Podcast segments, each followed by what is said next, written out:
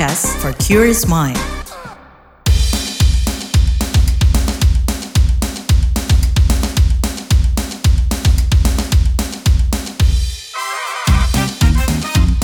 What's Trending KBR Pagi, siaran pagi radio paling update.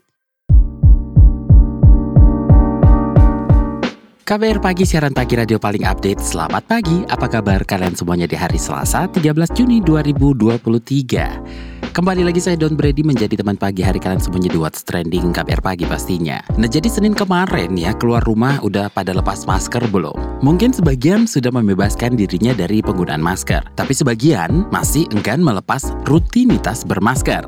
Pemerintah memang resmi mencabut aturan yang mewajibkan penggunaan masker di tempat umum. Selain itu, kewajiban protokol kesehatan seperti menjaga jarak dan mencuci tangan juga turut dicabut. Di lain pihak, masyarakat tetap dianjurkan melengkapi vaksin COVID-19 sampai booster kedua.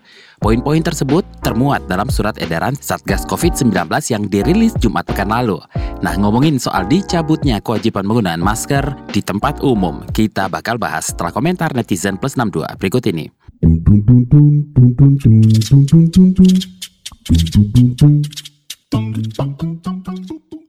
Yang pertama ada cuitan dari @nafasxx. Tim tetap pakai masker karena polusi udara sedang tidak baik-baik saja. At kata XX, Transjakarta udah boleh nggak pakai masker? Kalau KRL udah boleh juga nggak sih? At Safira XX, masih nyaman pakai masker juga sih meskipun COVID udah mereda. Hashtag COVID masih ada, prokes COVID, endemi COVID. At Agus XX, anggap saja bermasker itu bagian dari gaya hidup sehat. Lanjut ke cuitan at Diva XX. Dewan Kebijakan Masker di Transportasi Umum dicabut, semua masih maskeran. At Gila XX. Salah satu yang jadi habit pasca pandemik di keluarga saya itu adalah menggunakan masker, mencuci tangan, berjemur mandi matahari, mengolah makanan sehat, mengelola pakaian bekas digunakan, mengelola sampah, transportasi, dan WFA sebagai pengganti WFO atau WFH. Kalau teman-teman apa? At XX. Masa-masa pakai masker karena COVID sudah berakhir. Sekarang pakai masker karena polusi Jakarta menggila. Lanjut ke cuitan XX. Emang belum semuanya lepas masker di Jakarta, but I'm happy to see some faces. Apalagi petugas yang senyum. Happy to be reminded kita adalah negara yang paling ramah. Kemudian at Fahri XX. Merayakan Senin pagi naik MRT tanpa masker. Berasa aneh sendiri, yang lain masih pakai. At Dwi XX. At Dwi XX. Lebih nyaman pakai masker demi kesehatan juga sih. Kayak kalau kita jalan terus naik motor, debu polusi.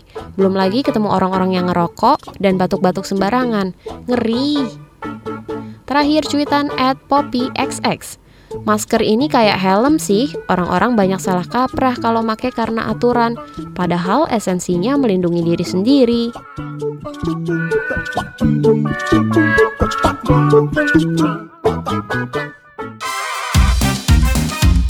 What's Trending KBR Pagi, siaran pagi radio paling update. Kita lanjutkan obrolan kita pagi ini. Jadi surat edaran Satgas COVID-19 yang dirilis Jumat pekan lalu mencabut kewajiban mengenakan masker bagi masyarakat di tempat umum. Lebih lanjut kita simak keterangan Kepala Sub Bidang Dukungan Kesehatan Darurat Satgas COVID-19 Alexander Ginting. Berikut ini. Ada lima hal di situ yang harus kita garis bawahi. Pertama, tetap melakukan vaksinasi COVID-19 sampai dengan booster kedua terutama bagi masyarakat rentan seperti lansia dan komorbid. Jadi masyarakat harus punya self assessment dia tahu dia rentan dia paham dia dia komorbid dia juga mengerti bahwa dia punya gangguan imunitas. Nah kedua diperbolehkan tidak menggunakan masker bagi masyarakat yang posisinya sehat dan tidak berisiko penularan COVID-19 dan dianjurkan tetap menggunakan masker apabila dalam keadaan tidak sehat, sakit, batuk, pilek, flu, itu pakai masker. Dan kemudian mereka yang punya risiko penularan, misalnya dia kontak orang tuanya positif, misalnya dia kontak erat, maka dia berpotensi ini harus pakai masker. Nah, ketiga, tetap dianjurkan untuk membawa hand sanitizer atau menggunakan sabun atau air. Jadi fasilitas publik tetap menyiapkan tempat cuci tangan Jadi fasilitas-fasilitas ini nggak boleh diabaikan karena ini juga bagian dari PHBS perilaku hidup bersih dan sehat ya. Jadi uh, jadi tetap harus ada cuci tangan, penyiapan fasilitas ini harus bagian dari uh, personal belonging. Jadi masyarakat jangan lagi abai. Nah kemudian uh, kelima bahwa eh keempat bahwa semua mereka yang berisiko, mereka yang mempunyai permasalahan dengan infeksi, maka ada tetap jaga jarak. Jadi kalau misalnya saya batuk pilek, flu gitu, ya diupayakan jangan saya pergi nonton bioskop misalnya ya, sehingga akan berpotensi menularkan ke orang lain. Jadi harus ada kemampuan bagi kita untuk membatasi diri. Nah, kelima, bagi seluruh masyarakat Indonesia, harus tetap menggunakan aplikasi Satu Sehat. Jadi aplikasi Satu Sehat itu kita bisa monitoring tentang infeksi, tentang vaksin, itu masih terus dipakai. Jadi pelonggaran-pelonggaran yang ada jangan sampai membuat kita mengabaikan masalah kesehatan. Karena pandemi ini memang berangsur-angsur sudah bisa terkendali, tapi berpotensi terjadi KLB ataupun terjadi lonjakan kasus bila pemerintah masyarakat tidak bisa bekerjasama. Jadi inilah lima hal, lima poin yang menjadi uh, catatan kalau kita baca dari surat edaran Satgas uh, nomor 1 tahun 2023. Jadi pemerintah melalui surat edaran ini tetap mendengungkan, tetap mensoundingkan bahwa kewaspadaan itu penting. Masyarakat tidak boleh abai, karena virus itu masih ada di masyarakat.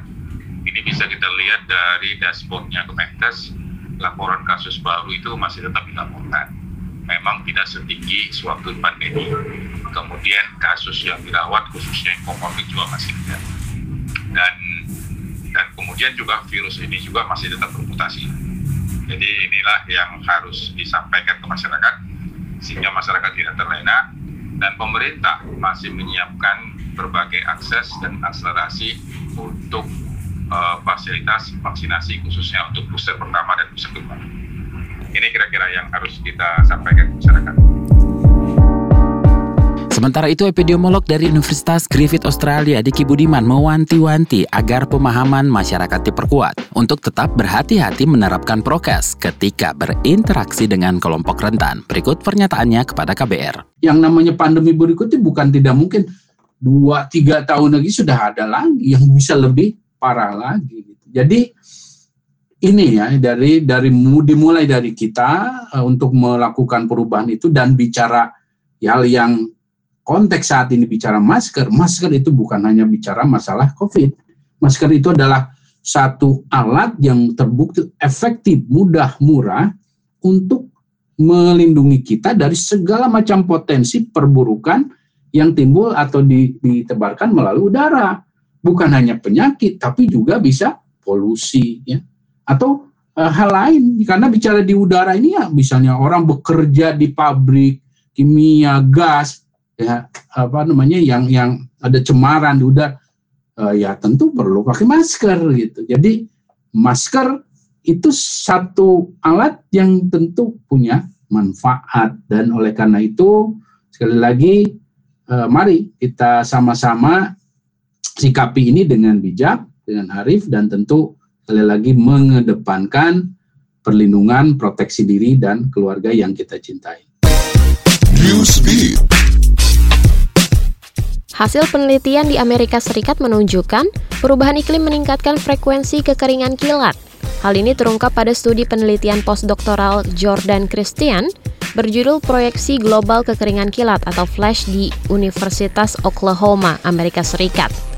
Jurnal ini meneliti dampak perubahan iklim pada sektor pertanian. Masih digunakannya bahan bakar fosil juga disebut-sebut meningkatkan frekuensi kekeringan kilat di berbagai wilayah. Biro Investigasi Federal Amerika Serikat atau FBI mencatat adanya peningkatan konten porno deepfake di mana konten ini digunakan untuk melakukan serangan sextortion.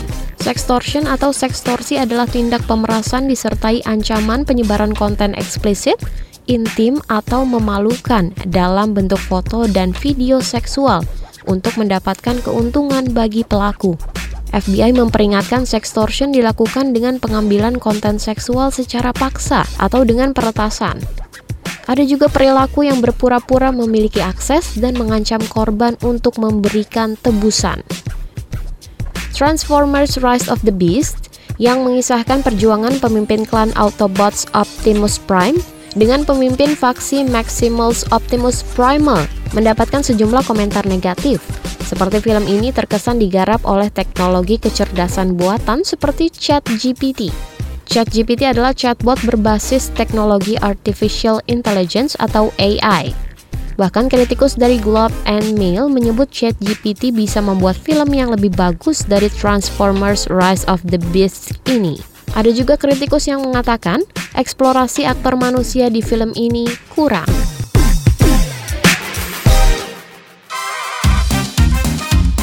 What's Trending KPR Pagi, siaran pagi radio paling update. Pertimbangan sebelum lepas masker itu yang kita obrolin pagi ini. Jadi Dewan Pakar Ikatan Ahli Kesehatan Masyarakat Indonesia Hermawan Saputra mengingatkan bahwa meskipun pemerintah sudah menghapus aturan wajib bermasker, namun kampanye kesadaran perilaku bermasker sangat penting, terutama untuk masyarakat yang sedang sakit atau bergejala sakit. Ia juga menyatakan bahwa potensi penularan kasus COVID-19 serta penyakit lainnya masih ada. Untuk itu, ia menyebut manfaat bermasker sangat tinggi untuk mencegah penularan berbagai virus dan penyakit. Kita mau ngobrolin ini bareng Dewan Pakar Ikatan Ikatan Ahli Kesehatan Masyarakat Indonesia atau IAKMI, Hermawan Saputra. Pak Hermawan ini kan pemerintah tetap berpesan untuk selalu waspada, namun di satu sisi membolehkan untuk tidak pakai masker. Nah, bisa ini dipahami dan disikapi dengan tepat oleh masyarakat? Nah, itulah ya. Jadi kita itu kadang antara ucapan dengan kenyataan itu sering sekali berbeda ya terutama yang berkaitan dengan kampanye perubahan perilaku menghadapi COVID-19. Seyogianya ketika ada upaya untuk tetap waspada terhadap COVID-19, maka kampanye dan menganjurkan masker itu tetap menjadi slogan utama. Jadi bukan sekedar basa-basi dan pada akhirnya kita juga tidak tidak uh, melihat ya ada pengawasan di lapangan jadi longgar dan seolah-olah tanpa uh, regulasi atau tanpa aturan. Paling tidak, walaupun bukan semacam kewajiban bagi seluruh orang, tapi mestinya kewajiban bagi orang sakit. Jadi orang-orang yang dalam keadaan tidak sehat, seharusnya tetap diwajibkan untuk menggunakan masker karena COVID masih ada. Pada hari ini kan lebih dari 10 ribu ya kasus aktif. Kalau kita bicara 10 ribu kasus aktif, mestinya upaya pencegahan, pengendalian, deteksi, dan perawatan pengobatan itu tetap menjadi hal fokus walaupun status pandemi itu dicabut dari dataran global. Di dalam negeri ini kasus cukup tinggi, masih lebih dari 10 ribu kasus per hari ini. Begitu. Itu jadi kampanye kesadaran perilaku itu sangat penting, eh, terutama bagi orang yang sedang tidak sehat sekarang kan banyak sekali ya kasus uh, mulai dari demam, influenza biasa, pilek, batuk, sampai kepada penyakit-penyakit lain yang berpotensi juga tertular. Ada kasus-kasus TBC. Jadi itu contoh ya. Jadi uh, banyak hal yang bisa harusnya dicegah dengan penggunaan masker, tetapi jauh sebelum pandemi COVID juga harusnya penggunaan masker itu menjadi habit bagi orang-orang tidak sehat. Tetapi kampanye, anjuran, dan juga uh, komunikasi publik tetap harusnya itu tidak uh, kendor ya terkait dengan kewaspadaan menghadapi COVID-19 ini, Mbak. Kalau bicara peluang dan risiko tertular COVID seperti apa? Apakah sudah rendah hingga kewajiban penggunaan masker ditiadakan? Oh tentu tidak. Kalau resiko tertular ya kita bedakan dulu. Kalau resiko tertular itu tetap tinggi. Jadi dengan kasus aktif sekarang 10.000 kasus aktif, seharusnya kan upaya deteksi dan pengendalian itu minimal pada uh, 50 ribu uh, kasus atau orang yang di tracing ya karena memang ada 10 ribu kasus aktif bahkan lebih dari itu bisa 150 ribu orang itu uh, beresiko karena 15 kali lipat. Yang satu banding 15 artinya ketika ada satu orang yang teridentifikasi positif COVID dalam dunia epidemiologi itu tracing itu paling tidak terhadap 15 orang sekitarnya. Itu kan idealnya sehingga testing juga begitu harusnya tetap tinggi. Nah, sehingga mengantisipasi resiko penularan itu bisa dicegah dengan dini. Nah, cuman saja ini kan menjadi semacam uh, wacana yang dimungkinkan orang itu untuk merdeka, tidak lagi peduli itu karena mortalitinya yang rendah. Artinya mulai pemberatan kasus, severity cases, sampai pada fatality atau kematian yang disebabkan oleh paparan COVID itu yang rendah. Karena memang uh, sudah banyak sekali lingkungan yang sudah terpapar sehingga uh, herd immunity itu ada tetapi bagi sebagian orang yang karena faktor lansia atau komorbid tetap sangat berisiko makanya kasus meninggal karena COVID pun masih ada begitu. Nanggung nggak sih pejabutan di masa sekarang kenapa nggak menunggu sampai zero case? Memang kalau untuk menunggu zero case sulit ya jadi eh, COVID ini tetap menjadi penyakit yang laten, ada dan tidak eh, bisa hilang begitu saja. Bahkan ada kemungkinan tetap tinggi. Nah, makanya sekarang eh, pun kasusnya masih tinggi, tapi menjadikannya zero cases itu susah. Nah, yang harus tadi menjadi penting adalah manajemen perilaku bagi orang-orang yang beresiko karena usia komorbid dan juga bagi orang yang sedang sakit atau sedang tidak sehat itu tetap harus dianjurkan menjadi dan menggunakan uh, masker ya sebagai protokol kesehatan yang dasar. Nah, tetap juga perilaku hidup bersih dan sehat, PHBS termasuk mencuci tangan, dan juga menjaga higienitas, pakaian, dan seterusnya, itu juga tetap menjadi habit. Dan itu semua tidak hanya berkaitan COVID, kan banyak penyakit yang bisa dicegah dan menjadi lifestyle untuk kesehatan yang lebih baik. Sebenarnya selain COVID, manfaatnya bagi kesehatan dengan menggunakan masker ini bisa melindungi dari penyakit menular apa aja nih Pak? Dan bagaimana resiko dan bahaya penyakit tersebut? Wah beragam sekali ya. Kita bisa menyebut penyakit yang paling banyak dulu di Indonesia dan di dunia itu adalah TBC yaitu tuberkulosis. Indonesia ini menjadi negara dengan urutan ketiga kasus TB terbesar di dunia. Angkanya ratusan ribu kasus. Jadi TBC itu bisa dicegah dengan penggunaan masker ini. Yang berikutnya penyakit-penyakit menular lain yang bahkan kayak polio, difteri, nah itu juga bisa dicegah dengan uh, penggunaan masker, termasuk dalam konteks yang biasa adalah influenza dan kasus-kasus uh, ringan ya. Nah itu itu banyak yang bisa dilakukan yang bisa dicegah dengan kebiasaan menggunakan masker itu.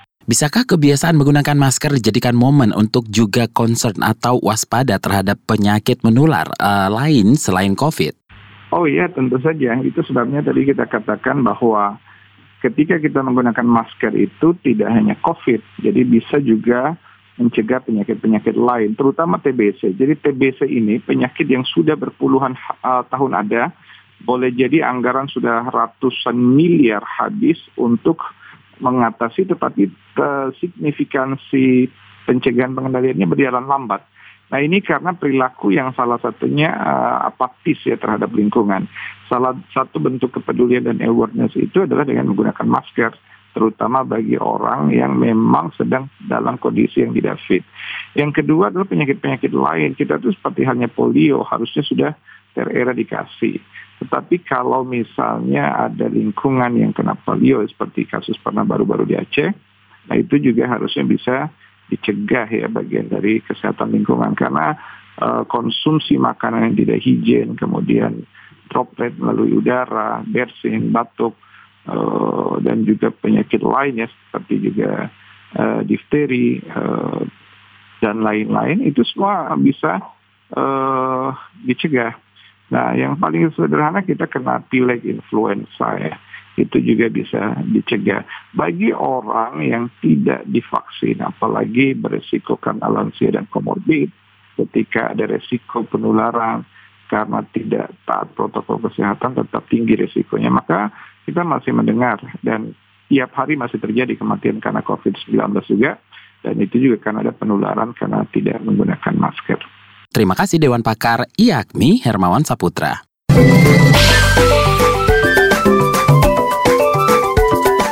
WhatsApp Indonesia. WhatsApp Indonesia dimulai dari Jawa Timur. Badan Meteorologi, Klimatologi, dan Geofisika atau BMKG memberikan peringatan kekeringan yang akan terjadi di seluruh wilayah Pulau Jawa pada Juni ini, terutama di keseluruhan wilayah Jawa Timur. Kepala BMKG Dwi Korita Karnawati mengatakan, tingkat keparahan dari kekeringan yang akan terjadi kurang lebih hampir sama dengan bencana kekeringan yang terjadi pada 2019. Dwi Korita mengatakan, saat ini Kementerian Pekerjaan Umum dan Perumahan Rakyat atau PUPR dan juga Kementerian Lingkungan Hidup dan Kehutanan atau KLHK sudah melakukan upaya antisipasi dampak buruk yang akan diakibatkan oleh bencana kekeringan ini. Menurutnya Kementerian PUPR saat ini telah mengatur waduk, pintu-pintu air dan irigasi, Sedangkan KLHK juga telah berkoordinasi dengan BMKG untuk melakukan teknologi modifikasi cuaca untuk mengisi waduk-waduk dan bendung-bendung. Namun ia tetap meminta agar masyarakat waspada agar tidak memicu kebakaran lahan dan hutan. Selanjutnya menuju Solo, Jawa Tengah. Pemerintah Kota Solo mulai membagikan puluhan kendaraan dinas baru berupa sepeda motor listrik untuk aparatur sipil negara atau ASN. Wakil Wali Kota Solo Teguh Prakosa mengatakan, Puluhan sepeda motor listrik ini menggantikan motor dinas lama yang berbahan bakar minyak atau BBM. Teguh yakin operasional motor listrik akan lebih efisien dan mudah. Ia memaparkan untuk tahap pertama ini ada 60 unit sepeda motor listrik, 5 untuk di kecamatan, 54 untuk kelurahan, satu di balai kota. Puluhan motor listrik itu dibagikan kepada perangkat kecamatan dan kelurahan hingga dinas yang terkait pelayanan langsung ke masyarakat, catatan sipil, dan administrasi kependudukan. Pemkot menganggarkan sekitar 1,9 miliar rupiah dengan harga per unit motor listrik mencapai 32,5 juta rupiah. Terakhir kita mampir Jakarta. Kalangan legislatif menyoroti pendataan koperasi dan pelaku UMKM atau usaha mikro kecil dan menengah oleh Kementerian Koperasi dan Usaha Kecil dan Menengah masih berantakan. Anggota Komisi 6 DPR RI Ananta Wahana mengatakan, karena data yang tidak konkret tersebut menjadikan pemberian bantuan pemerintah tidak merata dan juga kebijakan pemerintah jadi tidak tepat sasaran. Ananta juga mengatakan kesulitan mencari data UMKM di daerahnya sendiri, yakni di Banten. Kata dia, wajar jika pelaku UMKM kerap merasa tidak puas dengan kebijakan yang tidak merata. Ia berharap pendataan UMKM dapat diperjelas prosesnya dan juga adanya kejelasan data di setiap daerah. Ananta meminta program data tunggal Kemenkop UKM dapat segera diselesaikan dalam akhir periode pemerintahan Presiden Joko Widodo. Salah satu program prioritas tahun 2024 Kementerian Koperasi dan UMKM adalah pendataan lengkap koperasi dan UMKM dengan target 22,3 juta data hingga tahun 2024. Demikian WhatsApp Indonesia hari ini.